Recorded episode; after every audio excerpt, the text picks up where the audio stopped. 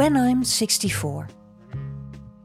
Martien Dupri en Martijn Brebaert, vrienden sinds de middelbare school, bespreken de leuke en minder leuke kanten van het leven rond je 60ste.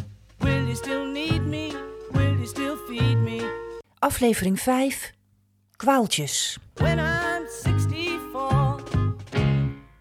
Welkom bij, eh, welkom bij ons eerste lustrum. Dit is aflevering 5 alweer van de podcast When I'm 64. De eettafel in Haarlem is vertrouwd, net als de donderdagavond, net als mijn co-pilot Martien. Eh, wat betreft de liturgie van vanavond, wij gaan een beetje inzoomen op de fysieke kant van het ouder worden. Eh, we doen dat dit keer niet met een tafelgast, maar wel met een telefonisch consult. Ja, maar voordat we daarmee eh, gaan beginnen, Martijn, heb je nog wat meegemaakt de laatste twee weken?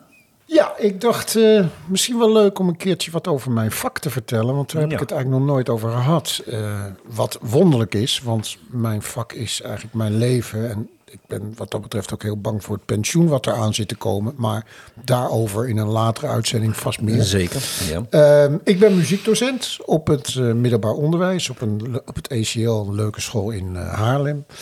En eh, ik dacht, nou, dit is wel een mooie gelegenheid om daar iets over te vertellen. Want we hebben afgelopen week een hele bijzondere avond meegemaakt. Met Vertel. mijn 6V-leerlingen zijn we met de muziekgeschiedenis bezig met het behandelen van de avant-garde muziek uit de 20ste en de 21ste muziek, eh, eeuw.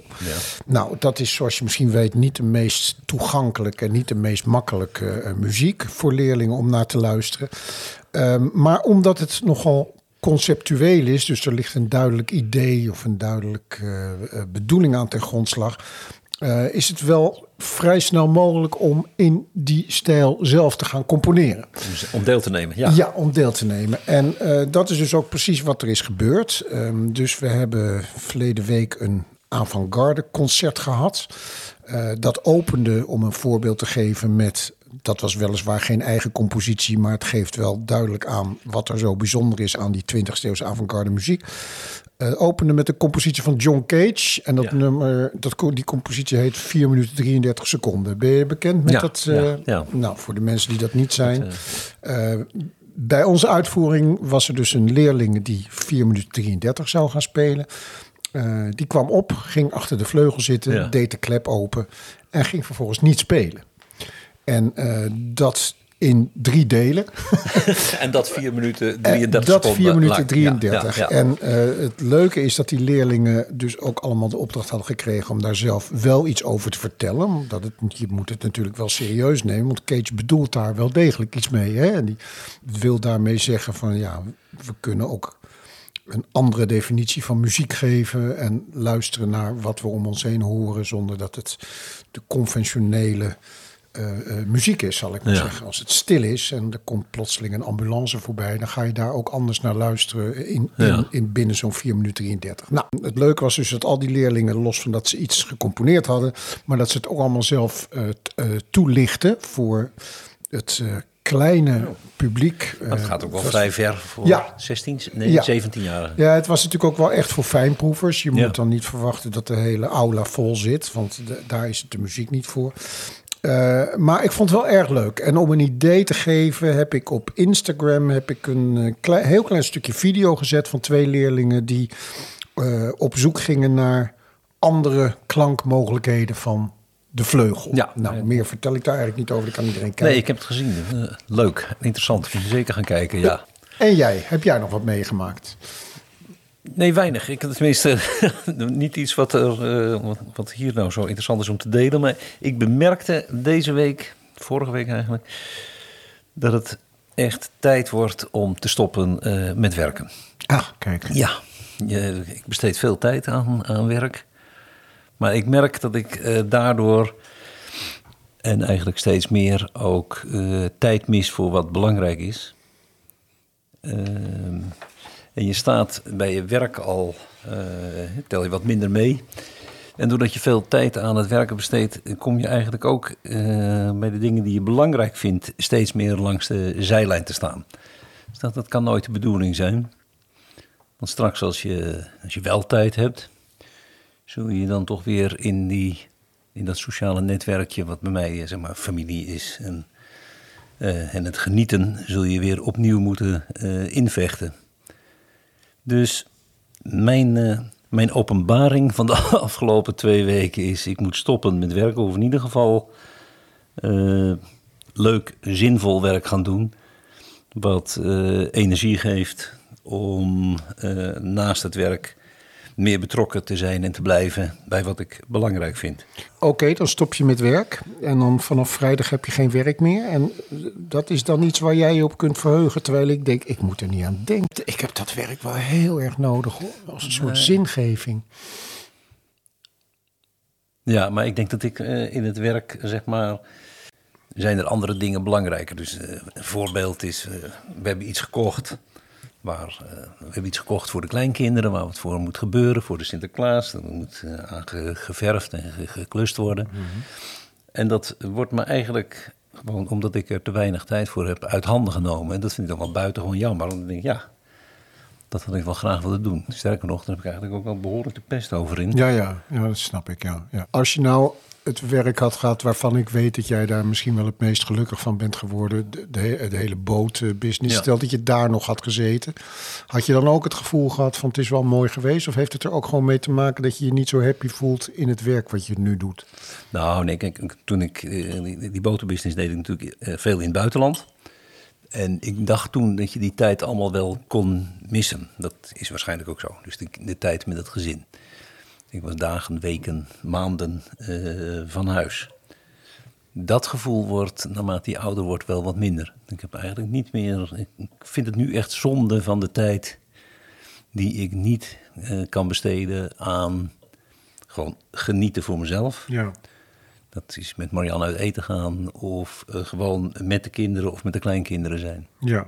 Ja, ik kan dus wel even terugkoppelen naar wat ik net vertelde. Echt intens gelukkig worden en genieten van zo'n avant-garde eh, avond. Ja. En echt denken dat zijn, los van de vele andere dingen natuurlijk, maar dat zijn wel echt dingen die voor mij het leven de moeite waard maken.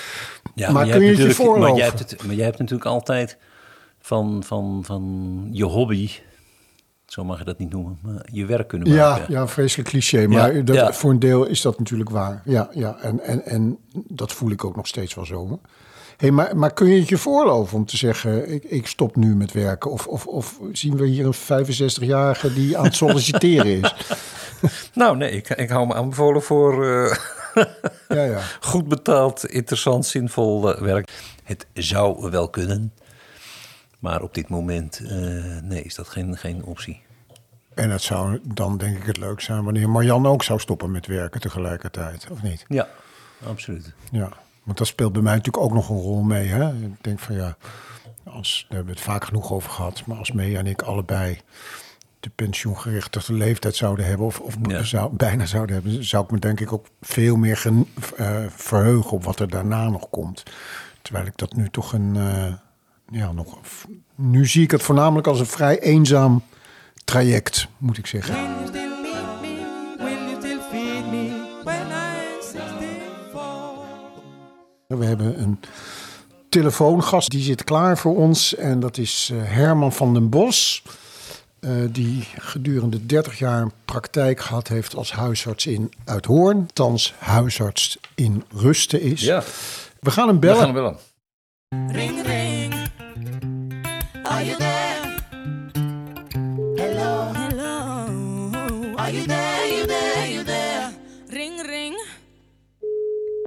Goed, we hebben aan de lijn eh, Herman van der Bos. Eh, we hebben afgesproken dat we elkaar tutoyeren, Herman. Fijn dat je vanavond onze eh, inbelgast wil zijn. De, het gespreksonderwerp van de podcast van vanavond is de, de kwalen en de kwaaltjes waar wij mee te maken krijgen als 60-jarigen. En ja, dan ligt de eerste vraag eigenlijk voor de hand. Ehm, wat zijn zo al die ouderdomskwaaltjes waar jij ooit het meest mee te maken had? Als ik me alleen eh, eh, tot het mannelijke deel eh, beperk, ja, dat, dat, dat is een heel scala aan klachten.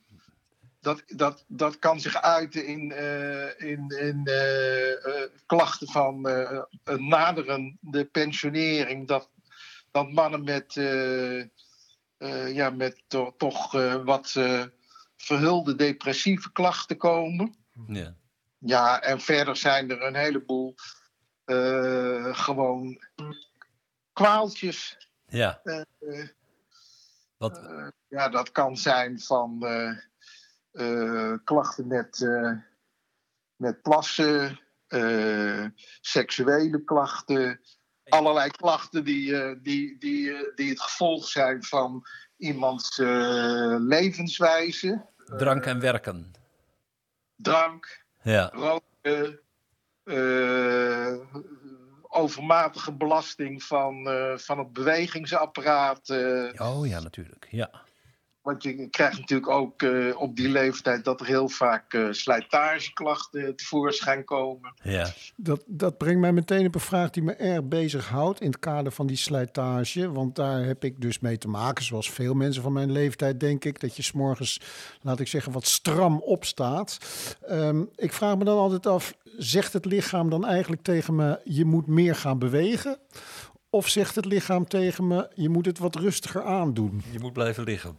ik, denk dat, ik denk dat het lichaam zegt eh, dat, je, dat je wat meer moet bewegen. Oké, Eh, veel wandelen en Ja. eh, zulke soort eh, dingen. de zaak soepel houden.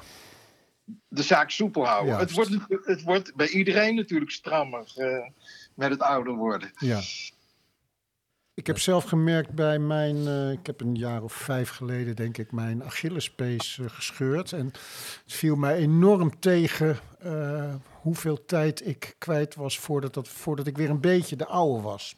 Ook, een- Ja. ook een beetje mijn eigen schuld, want ik had niet zo'n zin in die fysiotherapie. maar dat is natuurlijk ook wel een dingetje. hè. Wij helen minder snel, denk ik.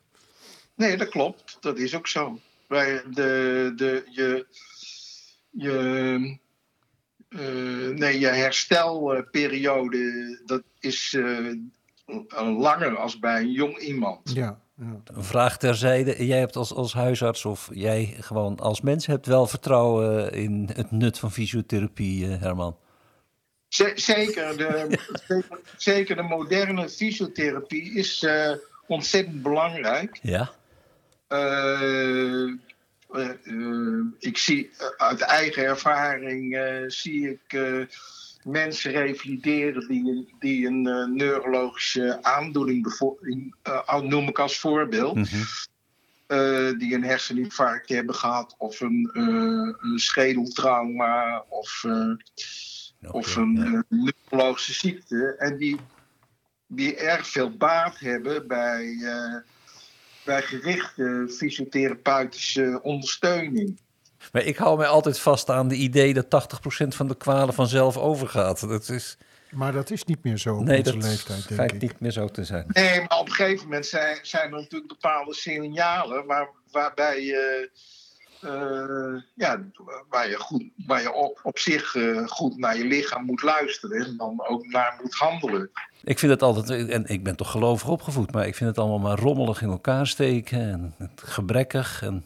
Je bedoelt een lichaam. Ja, het lichaam. Ja, ik vind dat dat, dat allemaal maar. eh, Dat, het is niet echt perfect, zal ik maar zeggen, van begin tot eind van je leven. Nee, nee, nee, nee, maar goed. daar, daar zul je mee moeten dealen. Hè? Ja, ja, nee, dat is ook zo. Ik heb nog wel een, een, eh, een vraag die me bezighoudt, eh, Herman. Ehm, hoe ver zijn wij doorgeslagen in het ontkennen van de ouderdom? Onze hele eh, huidige cultuur is natuurlijk een beetje een cultuur van maakbaarheid. Wat natuurlijk, ja, wat eigenlijk to- toch ook maar, iets is wat, waarmee we onszelf voor de gek houden. Want ja, er zit gewoon een einde aan ons leven. Dat is, dat is nou eenmaal zo.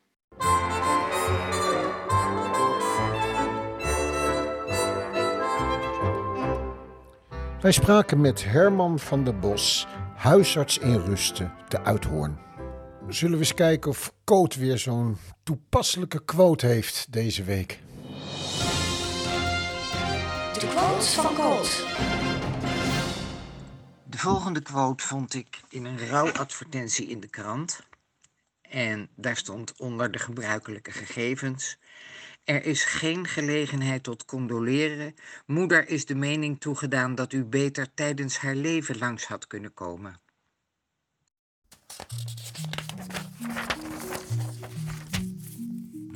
Brief aan mijn vader. Elke aflevering schrijft Marijn Iwema een brief aan haar vader Martien. Vandaag de brief van 2 december 2021. Hi pap. Fysiek achteruit gaan, ja, dat lijkt me echt heel erg moeilijk. Tijdens mijn drie zwangerschappen vond ik het al lastig om fysiek achteruit te gaan. Maar laat staan wanneer je vermoedt of weet dat hetgeen je fysiek verliest, waarschijnlijk ook niet meer terugkomt. En ook ehm, ja, geen hoger doel geniet. Ik zie bij jou hoe lastig je het vindt om de gebreken te zien komen. Het voelt voor mij alsof je dat ontkent of vermijdt. Ik voel dat ik niet mag vragen naar of je schouder nog zeer doet, bijvoorbeeld.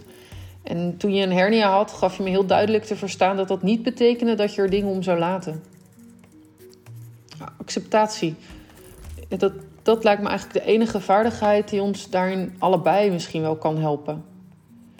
Eerder vond ik acceptatie echt klinken als opgeven.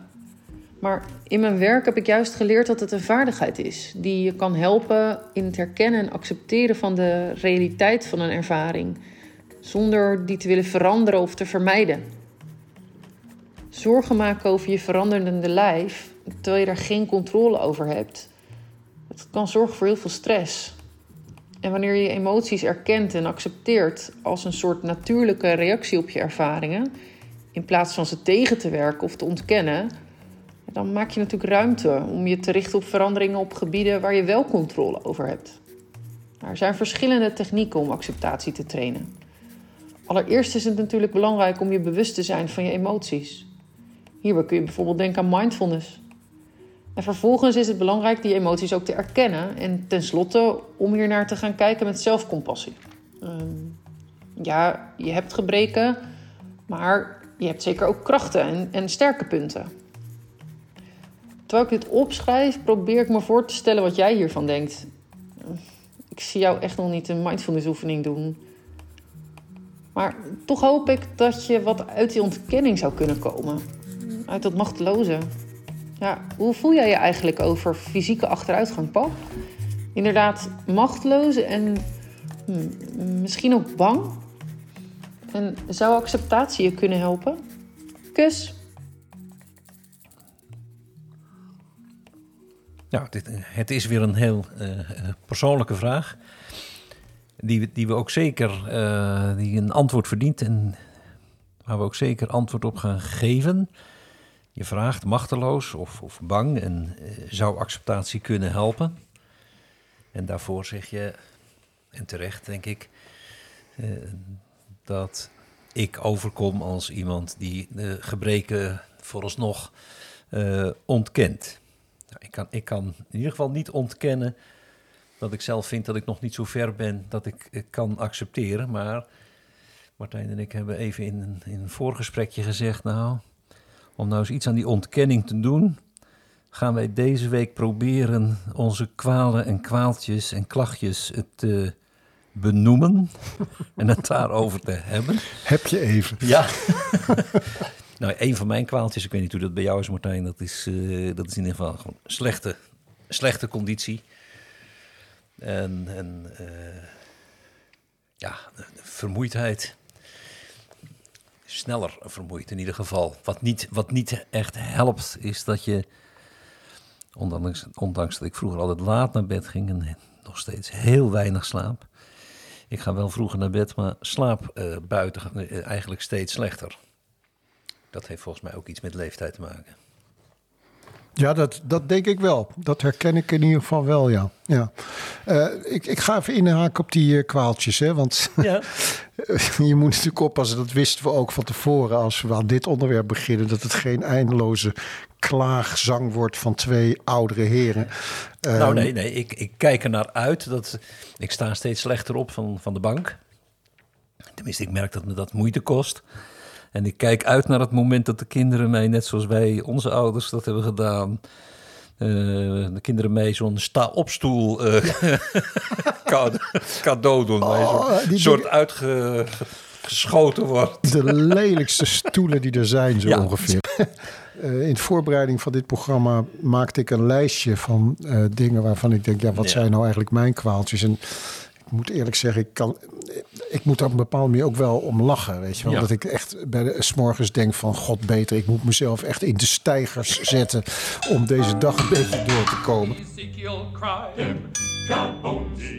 Nou, dat begint natuurlijk met een leesbril, waar ik al vrij snel eh, eh, aan was Ja, overigens. Die heb ik ook, ja. Ja, dat is ook allemaal niet zo erg. Het gehoorapparaat, dat is wel een interessante. Want zeker als muziekdocent moest ik daar eerst helemaal niks van weten. En zelfs toen ik hem hier al een tijd had liggen. En die dingen zijn ongelooflijk duur. Want juist die duurste exemplaren, je, je begrijpt het al, die worden natuurlijk niet vergoed door de verzekeraar. Maar die dingen hebben hier dus ook een wekenlang in de verpakking gelegen, omdat ik er gewoon niet aan wilde. En ja, nu kan ik eigenlijk niet meer zonder. Ehm, ik ben een, een maagpatiënt, dus ik heb eh, eh, maagpillen. Eh, ik had een te hoge bloeddruk, dus ik heb bloeddrukpillen. Ik heb een aantal jaar geleden mijn Achillespees gescheurd, wat niks met ouderdom te maken heeft, maar wel het feit dat ik daar nog steeds niet van genezen ben. Ook omdat ik geen zin had in die fysiotherapie. Ik dacht dat komt vanzelf wel goed. Quotnon. Eh, ik heb door mijn jarenlange roken eh, COPD, dus daar heb ik een puffertje voor. Eh, Ga door, ga door. Ja, ik, ik ben er halverwege nog meer Eh, ik heb, als ik, waar ik erg van hou, als ik ga wandelen, merk ik dat ik al snel eh, eh, last krijg van mijn knieën. Dus daar heb ik zo'n elastische steunkous voor, die ik overigens niet altijd aan heb hoor. Ehm, en dan hebben we het nog niet eens gehad over de... Maar komt er ook iemand om die kousen aan te trekken? Ja, nee, zo erg is het nog niet. ik chargeer het een beetje. Ja. Maar daar hebben we het nog niet eens gehad over. Ik bedoel, ik ben blij dat ik niet... Ik ben niet ijdel, geloof ik. Want als je dat er ook allemaal nog bij krijgt... dat je denkt van, oh god, ik moet mijn haar ook nog verven... en het moet wel een beetje leuk blijven zitten... en ik zie een paar rimpeltjes... en die moet ik allemaal nog wegwerken. Het is geen doen, joh. Je bent Nee. gewoon 24 uur per dag bezig om, om jezelf een beetje staande te houden. Dus ik heb maar besloten dat ik daar... Ja, ik, ik moet daar ook gewoon om lachen. Het is niet altijd leuk, eerlijk is eerlijk. Maar het hoort ook bij het ouder worden. Dus het is niet anders. Ik zal even kijken naar mijn lijstje. Ten Ja, jouw lijstje. van jou, Ja, dat ja. eh, gehoor. Ja, ik, volgens mij is mijn gehoor uitstekend, maar denkt de familie daar geheel anders over? Je, Maar jouw gehoor is toch prima? volgens mij ook, maar mij wordt verweten dat ik eh, regelmatig dingen eh, niet hoor. Dat zou ook best kunnen. Oost-Indisch gewoon. Oost-Indisch waarschijnlijk, ja. Ja, bij mij, dat moet ik trouwens nog wel even vertellen. Want bij, dat, dat, daar heb ik dan achteraf wel een beetje de pest in. Want bij mij heeft het toch waarschijnlijk te maken met mijn, met mijn vak. Ik heb natuurlijk constant in die keiharde popbeentjes gespeeld. En nu is het heel gebruikelijk. Mijn zoons hebben allemaal van die, van die oordopjes. Nou ja, dat, dat deed je in die tijd Nee, niet. Weet je wel, dan was je een slappeling. Maar dat heeft wel. Het eh, waren meer de ouders die kwamen luisteren. Die hadden dan eh, ja, ja, ja, in. precies. Ja. Maar dat, dat heeft mijn oren geen goed gedaan, denk ik. Net zo min als het roken mijn longen goed heeft gedaan... heeft het eh, spelen in popbeentjes mijn oren goed gedaan. Maar sorry, jij was met Nee, je lijst nee, nee. Nou ja, het, het roken ben ik dan vier weken geleden mee gestopt. Zoiets, althans. En sindsdien voel ik me in ieder geval zeker niet beter. dat moet nog komen. Ja. Haar eh, en, en uiterlijk vind ik wel een... Dat is wel een dingetje. Maar ik hoor jou ook bijvoorbeeld vandaag ook weer over dat je jezelf te zwaar vindt. Of in ieder geval dat je, dat je last hebt van je zwaarlijvigheid. Nee, ik vind... De gewicht vind ik eh, armoedig. Dat, eh, daar kun je zelf iets aan doen. Dat wordt ook niet makkelijker naarmate je ouder wordt. Nee, nee, nee, nee. En dan ook nog stoppen met roken. Dat Ja. zijn niet de dingen die Nee. nou meteen goed nee, zijn maar voor het je is lijn. niet, Nee, maar het is niet zozeer dat ik nou zelf vind dat ik er iets aan kan doen, maar dat je daar toch in die algemene opinie eh, in meegaat. Ja. Dus ik, ik, ik zie zo'n foto en denk, verschrikkelijk.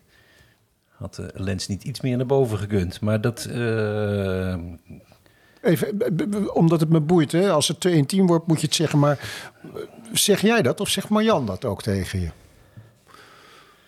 Nee, Marianne leidt aan het, eh, volgens mij aan hetzelfde syndroom als ik met het haar.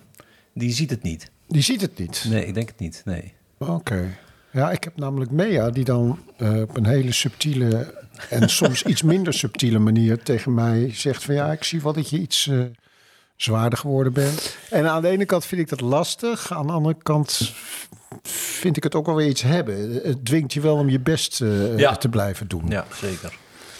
Nee, maar ik, goed, ik, ik, ik moet er in ieder geval iets aan doen. Dus die zwaarlijvigheid, dit is trouwens ook niet goed, want in de afdeling kwaaltjes, ik heb dus inderdaad eh, de bloeddruk, eh, of de bloedverdunners, ik weet ik eigenlijk niet eens, pillen. En daarnaast eh, moet ik opletten, suikerziekte, ouderdomssuikerziekte heette dat vroeger, type 2. Zo twee, drie jaar, nee, dat is lang geleden. Ik kwam bij de huisarts en die vroeg, komt u wel eens buiten? Ik zeg, "Nou, voor- Komt voor wel eens buiten. ja, ik zeg voor mijn, voor mijn gevoel wel. We hadden toch een boot en zo. Dus nou, wij komen wel eens buiten, ja. Ze zei, ja, maar u maakt helemaal geen vitamine D meer aan. Dat houdt op een gegeven moment op. Of Oh. eh, als je te weinig aanmaakt, dan gaat het lichaam dat ook niet meer doen. Dus daar krijg je dan ook pilletjes voor. Vitamine D is eh, zonlicht, geloof ik. Ah, Dus vandaar. dat- Komt u wel eens buiten. Ja, Ja, komt ja. u wel eens buiten. Dus eh, Ja. Maar om toch een beetje naar de vraag van Marijn toe te gaan. Ehm, hoe zit dat? Leid je eronder? Ontken je het? Ben je er bang Nou, voor? ik- ik- Accepteer je het? Nee, maar het, het is natuurlijk wonderlijk. Marijn zegt, eh die heeft het over eh, zorgen over je veranderende lijf. Ja, nou ja, mijn lichaam verandert wel, maar maar één kant op. Het, het- een collega zei, is, het zit enorm in de lift, alleen gaat de lift met een noodgang naar beneden. dus goed, dat is natuurlijk een beetje het vervelende van het ouder worden. En daarom ja, worden we er denk ik ook lacherig om. Het is in ons geval ouderdom, on, eh, bijkomende kwalen, gebreken, eh, is onomkeerbaar Ja, en onontkoombaar. zeker. Dus je kunt er ook niet veel, veel anders mee dan er lacherig eh, om zijn. Of zoals ik, eh, in ieder geval, ik denk dat Marijn daar gelijk in heeft. Er zou iets van acceptatie eh, moeten zijn om er ook echt iets mee te gaan doen. Ja, dus want, alleen ontkennen helpt niet echt. want jou een beetje inschattende. ehm, ik vind jou nou niet iemand die het ouder worden ontkent. Op de manier zoals je sommige Nee. mannen probeert vreselijk Nee. geforceerd jongensachtig te blijven. Dat heb jij Nee, niet. nee, nee, nee, helemaal niet. Nee. Nee. Maar het, je wilt natuurlijk, dat is onzin om dat te ontkennen. We willen natuurlijk eigenlijk allemaal met zo min mogelijk eh, kwalen en, en ziektes en narigheid eh, ongelooflijk oud worden. Je wordt ook gedwongen om, om eh, er iets van te accepteren van dat ouder worden. Want nou ja, ik, ik las ontzettend graag. Maar het kost toch meer moeite met je leesbril op om te lezen. Zeker. Dat En zijn dan merk je dat je dingen. dus echt veel minder Ja. leest. Gewoon omdat je er, je wordt er snel moe van. Dat vind het ik kost ook. te veel moeite. Ja, dat zijn vervelende Dat vind dingen. ik. Ik ben er over het algemeen denk ik vrij laconiek onder. Maar er zijn wel momenten dat je, dat je daar wel verdrietig over kunt zijn. Ik herinner me eh, een interview wat ik ooit las oh, met, met, met Annie Smit. Die op latere leeftijd ook gewoon heel eerlijk zei van... Ja, maar eh, oud worden is, is echt heel naar. En Ja. sprak de vrouw die bijna niet meer kon, le- eh, kon lezen... En, en zich amper nog kon bewegen. Maar ze rookte nog. Maar ik merk bijvoorbeeld met die COPD, als ik tegelijkertijd aan het wandelen ben, dan is het lastig om, om terwijl je wandelt een gesprek te voeren. Begrijp je? Dat zijn echt dingen waarvan ik, Ja. daar heb ik echt de pest over. Ja. Ik heb echt de pest over. En net zo goed als wat jij zegt inderdaad, ook met dat lezen. Ik wil wel, maar dan moet ik bij wijze van spreken drie eh, bouwspots hebben die Ja. tegelijkertijd op het papier gericht staan. Ja, dat, dat zijn lastige dingen. Ik kom op dat lezen omdat dat, net zoals een bril, eh, iets is ehm, waarin je min of meer ja, gedwongen wordt om het ouder worden of eh, het afnemen van je kwaliteiten eh, te accepteren. Onder ogen te zien. Ja, ja. absoluut. ja. Vind je dit een leuke podcast? Dan hoef je geen uitzending meer te missen als je je abonneert of ons gaat volgen via de bekende podcast-apps zoals Spotify en Apple Podcasts. Leuke foto's en filmpjes kun je vinden op onze Instagram-pagina When I'm 64 pod. Reageren kan via de mail when I'm 64 podcast at gmail.com. Heb je dat, Martien? Ja, dat gaat lukken.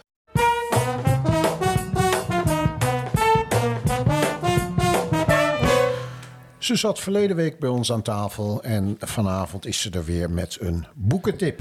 Francisca Kramer. Ik wil het dit keer hebben over een bekend boek dat al meer dan 20 jaar oud is. De zeven eigenschappen van effectief leiderschap van Stephen Covey. Het is geschreven in 1989 en inmiddels in 38 landen uh, 15 miljoen keer verkocht. En het is een methode die uh, inmiddels wordt toegepast op veel verschillende vlakken. En ook heel goed toepasbaar is, denk ik, op het moment dat je ouder wordt en op een nieuwe richting wil vinden in je leven. En die zeven eigenschappen van COVID die zijn ten eerste wees proactief. Veel mensen zijn reactief, die klagen over dingen waar ze geen controle over hebben, zoals het weer of de file. En doen dan te weinig aan dingen waar ze wel invloed op kunnen uitoefenen, zoals hun eigen gedrag. De tweede eigenschap is begin met het einde voor ogen, bepaal een doel en werk er stap voor stap naartoe. Drie, stel prioriteiten. Nou, dat lijkt me duidelijk. Vier, creëer win-win situaties. En vijf, eerst begrijpen, dan begrepen willen worden. Uh, eigenschap 6 is uh, kijk waar synergie te vinden is. Dus vier de verschillen en uh, maak er ook gebruik van. En eigenschap, eigenschap 7 tenslotte is houd de zaag scherp. En die laatste die is leuk, want die komt van een verhaal van een houthakker die in het bos bezig was om allemaal bomen om te kappen, maar hij werkte zich helemaal in het zweet en het lukte niet goed. En iemand zei: Jeetje, waarom neem je even pauze en maak die zaag even scherp? Want die is hartstikke bot. Nee, nee, nee, daar heb ik geen tijd voor. En het idee daarachter is, als je jezelf af en toe even rust gunt...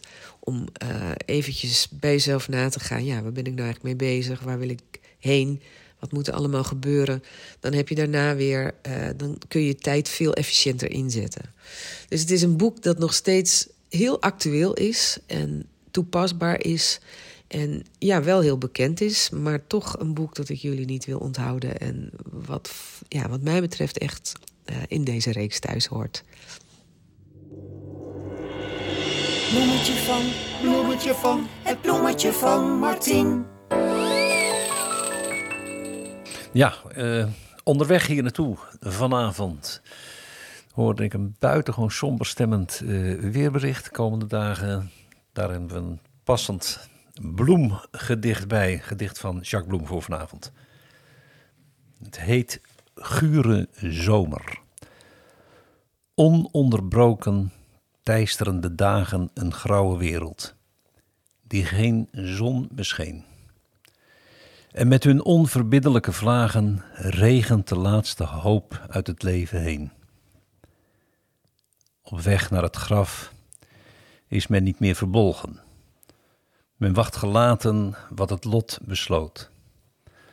En denkt aan het enige wat nog kan volgen: najaar en ouderdom winter en dood.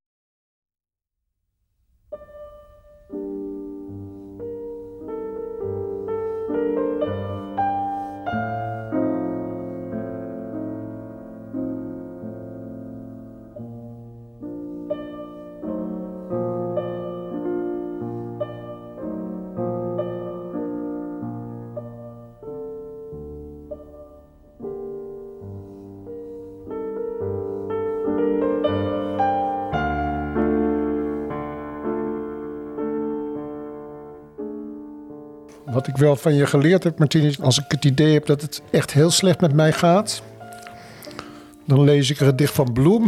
En dan denk ik, kan altijd nog erger. Valt altijd nog wel mee. Ja, ja ik, het is vreemd. Die, die, die, gedichten zijn bij tijd en wijde zo fatalistisch en, en zo droevig dat ik er ook weer ongelooflijk vrolijk van word. Ja, toch? Nou het, is, zo... het, is, het is te. Gewoon. Ja, en, en het is altijd goed om te bedenken dat uh, uh, bijna alle gedichten van Bloem uh, zijn zo.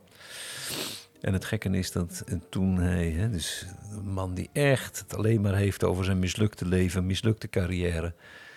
En hij ligt begraven met een steen op zijn graf waarop staat: voorbij, voorbij, o en voorgoed voorbij.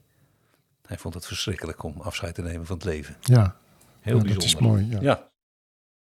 Het zit er weer op. Dit was de vijfde aflevering van de podcast When I'm 64. Mede namens Martien een hele prettige twee weken. We hopen jullie bij de volgende aflevering, aflevering 6, weer terug te zien. Zeker.